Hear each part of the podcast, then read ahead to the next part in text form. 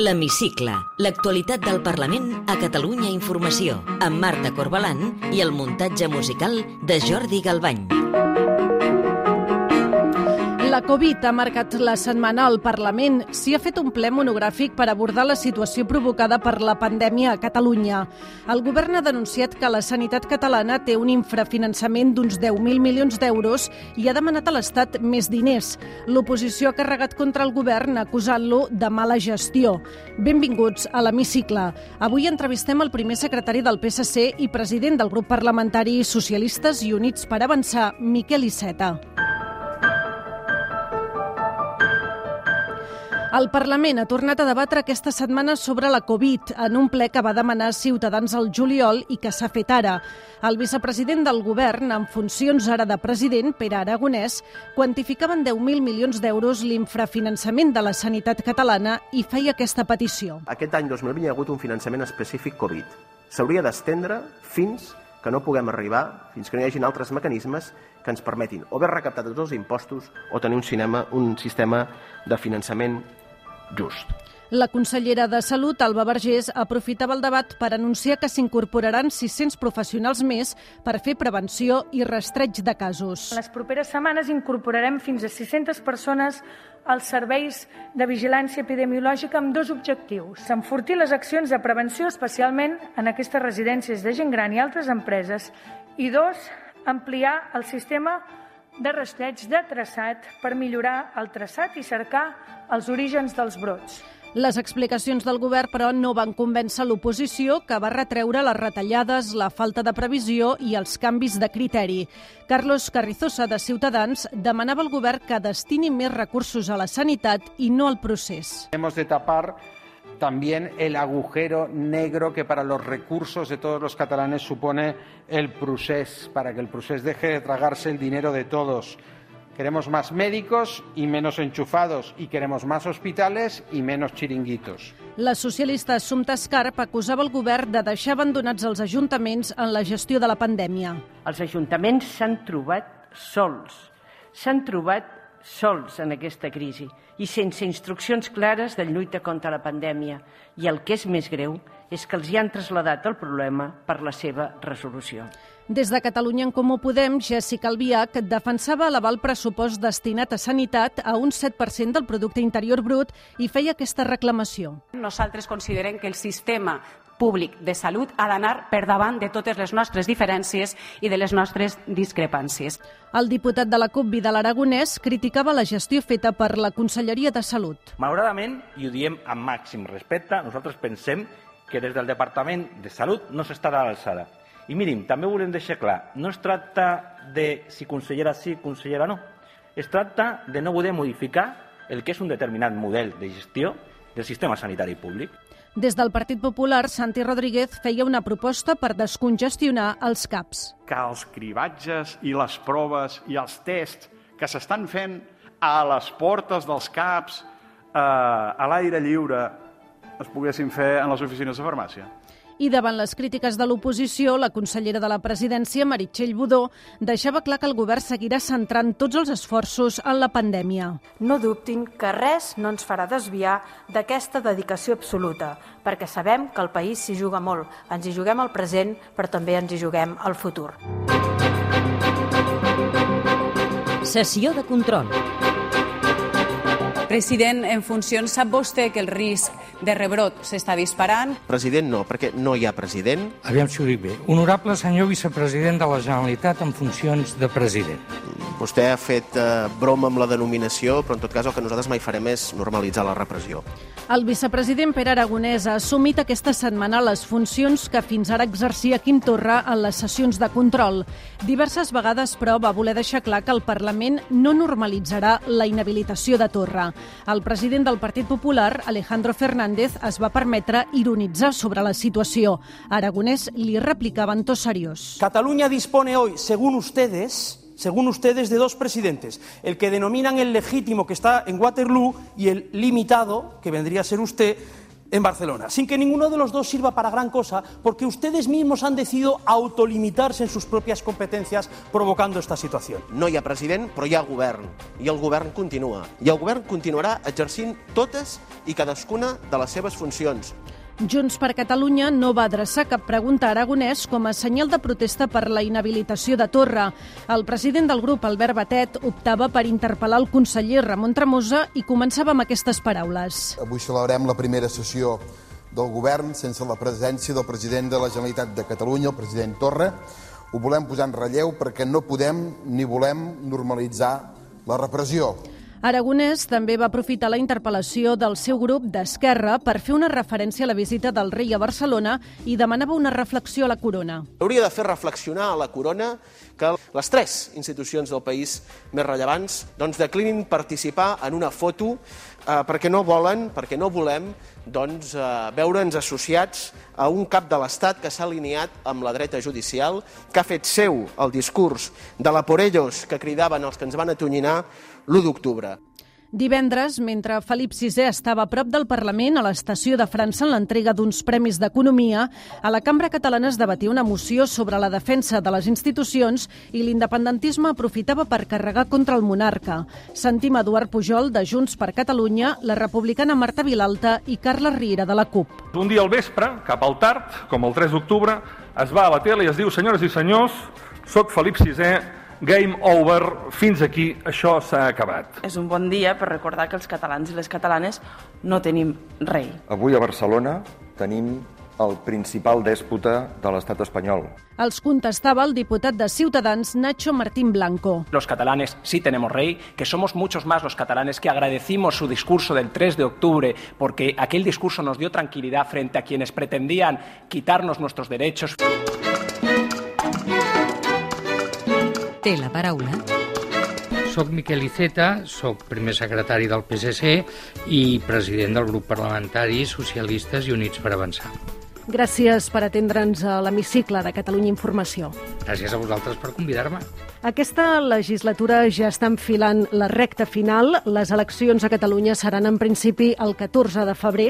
Com valora que el govern estigui tots aquests mesos en una situació d'interinatge? Nosaltres haguéssim volgut que hagués estat el propi president Torra qui hagués convocat eleccions, perquè això hagués permès fer-les abans d'acabar l'any i, per tant, tenir una interinitat el més breu possible. De totes maneres, les coses han anat com han anat i el que espero és que el govern superi les divisions que en aquests moments exhibeix i encara que estiguem en aquest període d'interinatge vagi prenent les decisions que corresponen per garantir el benestar, la salut i el progrés del país. Fa uns dies vostè va proposar un candidat instrumental per accelerar la convocatòria de les eleccions. Aquesta setmana vostè ja ha parlat amb el president del Parlament en el marc de la ronda de consultes que té amb tots els grups. Li ha proposat aquesta opció o alguna altra fórmula per accelerar el calendari? La veritat és que nosaltres hem anat parlant amb els diversos grups parlamentaris i no hi ha en aquests moments una majoria que vulgui utilitzar un mecanisme excepcional com aquest per reduir la interinitat. Ens estalviaríem dos mesos, podríem fer eleccions abans d'acabar l'any, però en absència d'una majoria perquè es necessita una investidura efectiva, per tant, que sortís, eh, com això no hi és, doncs realment ens afegim a la teoria de que hem de buscar un acte equivalent a la comunicació de que no hi ha candidat per posar en marxa el rellotge i efectivament poder fer les eleccions el 14 de febrer. Si l'aritmètica parlamentària ho permetés i situant-nos ja en un escenari hipotètic després de les eleccions del 14 de febrer, veuria factible un govern del PSC amb els comuns? Miri, eh, això dependrà del resultat electoral, no? Nosaltres voldríem fer un govern amb tots aquells que es vulguin centrar amb els objectius que abans plantejava. Els que realment diguin ara on hem de posar la banya és a la reactivació econòmica, a la reconstrucció social, a la salut, a l'educació, a la reindustrialització del país i algú que vulgui ajudar-nos a reunir els catalans al voltant d'objectius compartits i no al voltant de coses que ens divideixen. I per tant, jo sempre he dit que l'important no és exactament amb qui ho fas, sinó què et compromets a fer. És a dir, els pactes no han de ser amb aquest sí, amb aquest no, sinó per fer què. I és aquest què el que nosaltres volem contribuir a definir i creiem que un bon resultat del PSC doncs, ens, ens aproparia a aquest objectiu de tenir un govern que realment comenci a guanyar batalles per Catalunya, no a perdre-les. El govern espanyol ha començat a tramitar la petició dels indults als presos independentistes. Vostè, en la campanya electoral del 2017, va defensar els indults. Eh, els defensa ara? No, a mi em van preguntar per l'amnistia. Jo vaig dir, l'amnistia no és possible, sempre es pot demanar un indult. I, efectivament, s'han demanat i ara s'estan en tràmit i, per tant, jo crec que el que hem de fer és respectar el procés de tramitació, que entre altres coses requereix de determinats informes del Tribunal Sentenciador, de l'autoritat penitenciària, i que el govern, un cop tingui aquests informes a la mà, pugui decidir. I, per tant, eh, el que no es pot és ni prefigurar una decisió ni bloquejar-la. La possibilitat de demanar indults està oberta a qualsevol persona que hagi estat condemnada. És veritat que algunes d'aquestes persones, com Oriol Junqueras, ha dit que no el volen, però en tot cas ha estat demanat i, per tant, s'haurà de tramitar amb completa normalitat. En tot cas, creu que l'indult ajudaria a destensar la situació? Jo el que crec és que llargues penes de presó no contribueixen a resoldre el problema i per tant, home, no ho sé perquè si escoltes doncs, Oriol Junqueras sembla que li és igual, no? que no és la via que ell voldria. Per tant, jo no puc garantir que això destensaria. El que sí que puc dir és, com va dir Felipe González, que tenir eh, dirigents independentistes a la presó no ajuda. El govern espanyol de Pedro Sánchez també eh, impulsarà una reforma del Codi Penal per revisar el delicte de sedició. Això també pot ser un gest de distensió cap a l'independentisme? Sí, però no es fa per això, es fa per un motiu que jo crec que, que es pot compartir, i és que molts, eh, moltes jurisdiccions europees consideren que el delicte de sedició, tal com està regulat a Espanya, no es correspon a tal com ells tenen recollits els delictes contra la Constitució. I, per tant, és una regulació que té més de 200 anys i sembla lògic, eh, diríem, adaptar-la, homologar-la al que existeix en altres països europeus. Jo no sé si l'independentisme farà seva aquesta via o no, però en tot cas crec que és necessari emprendre-la i, per tant, m'ha semblat molt bé que formi part del programa legislatiu del govern d'Espanya. La taula de diàleg entre els governs català i espanyol s'hauria de reunir un altre cop abans o després de les eleccions catalanes? quan hi hagi aigua, si m'ho permet, quan hi hagi possibilitats d'avançar i d'arribar a acords. Jo ja faig dir fa temps que un període preelectoral potser no era el millor i llavors em van criticar moltíssim, però ara veig que és el propi vicepresident aragonès el que diu que potser cal esperar a que se celebrin les eleccions i a tenir un nou govern format per parlar-ne. Canviem de tema sobre la visita del rei a Barcelona. L'independentisme diu que el monarca no és benvingut a Catalunya. Com valora aquesta afirmació? Doncs, eh, miri, jo per una banda la puc respectar, perquè tothom té l'opinió que té, però crec que a Catalunya ens convé acollir ens convé que ens vingui gent a visitar, ens convé que hi hagi gent que ens ajudi a promoure l'economia digital i la nova economia. Si volem recuperar el paper de Barcelona i de Catalunya com a ciutats de, i països d'acollida de grans esdeveniments, més, hauria, més aviat hauríem d'exhibir bona voluntat i no exclusió. Com definiria aquesta legislatura? Bueno, una perduda. Què faria vostè si hi hagués algun cas d'agressió sexual a les files del PSC? expulsar la persona que l'hagués comès i eventualment posar un coneixement de la justícia si la justícia no estava, eh, no estava assabentada. Nosaltres tenim un protocol contra les agressions sexuals i el que faria és aplicar-lo. Fa mesos que ens ha tocat conviure amb una pandèmia. que hem après de tota aquesta època? Que no ho podem tot i que no ho sabem tot. Ja potser ho haguéssim hagut de saber abans, no? però jo crec que aquesta pandèmia ha sorprès a tots els governs arreu del món, eh, ens fa més humils, probablement, eh, més conscients de les nostres limitacions i també més compromesos a ajudar els, eh, els investigadors, a la gent que fa recerca, eh, als especialistes, en aquest cas, en virologia i salut pública. Si hagués de posar una banda sonora a la Catalunya d'aquests temps, quina posaria? No sé si trobaria una cançó que, que ens pogués reunir a tots, no? però però seria molt soroll per no res, no? Al final seria una, una, una cançó probablement molt estrepitosa i mancada d'harmonia.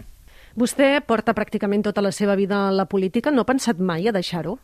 La veritat és que no, perquè la veritat és que la política em va agafar de ben jove, i sempre dic que em, em va mossegar el cuc i des de llavors estic molt, molt implicat i és una cosa que, que m'agrada i, i a més de la que he après molt. I per tant no, jo podria seguir molt de temps en política, jo sempre dic, a mi, jo no la deixaré, serà ella la que em deixi a mi en tot cas. Per què adora tant els gats? Bueno, el gat jo crec que és un, és un animal molt especial. Es fa present però manté la seva independència.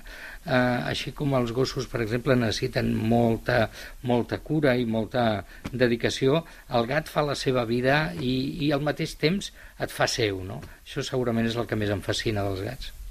Què li evoca la paraula Menorca? Bueno, Menorca és l'estiu.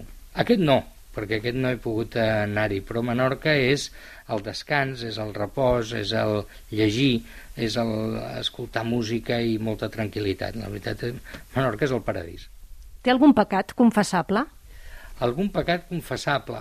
Home, pecat, pecat, no, però, però probablement algunes vegades doncs, eh, visc molt interiorment les coses no? i no sóc prou expressiu. Però pecat gros no, no crec que no. Vostè és un gran aficionat als haikus, als poemes japonesos. D'on li ve aquesta afició? Bueno, de quan era molt jove vaig tenir una fase d'interès pel budisme i per la, les cultures orientals i enmig d'aquesta cerca de coses eh, desconegudes per mi, doncs vaig trobar els haikus i sempre m'han agradat i em porto més de 2.000 publicats. Té algun plat preferit a banda de la Coca-Cola per beure? Tinc plats preferits, un sol no sabria dir, però per exemple uns bons macarrons gratinats m'encanten, uh, l'arròs a la cubana m'encanta, uh, uns rovellons a la planxa m'agraden molt. I ja per acabar, completi aquesta frase. El que més m'agradaria del món és... Doncs arribar a una societat realment justa per tothom. Això és el que m'agradaria. Miquel Iceta, gràcies per atendre'ns a l'hemicicle de Catalunya Informació. Moltes gràcies a vosaltres i fins ben aviat.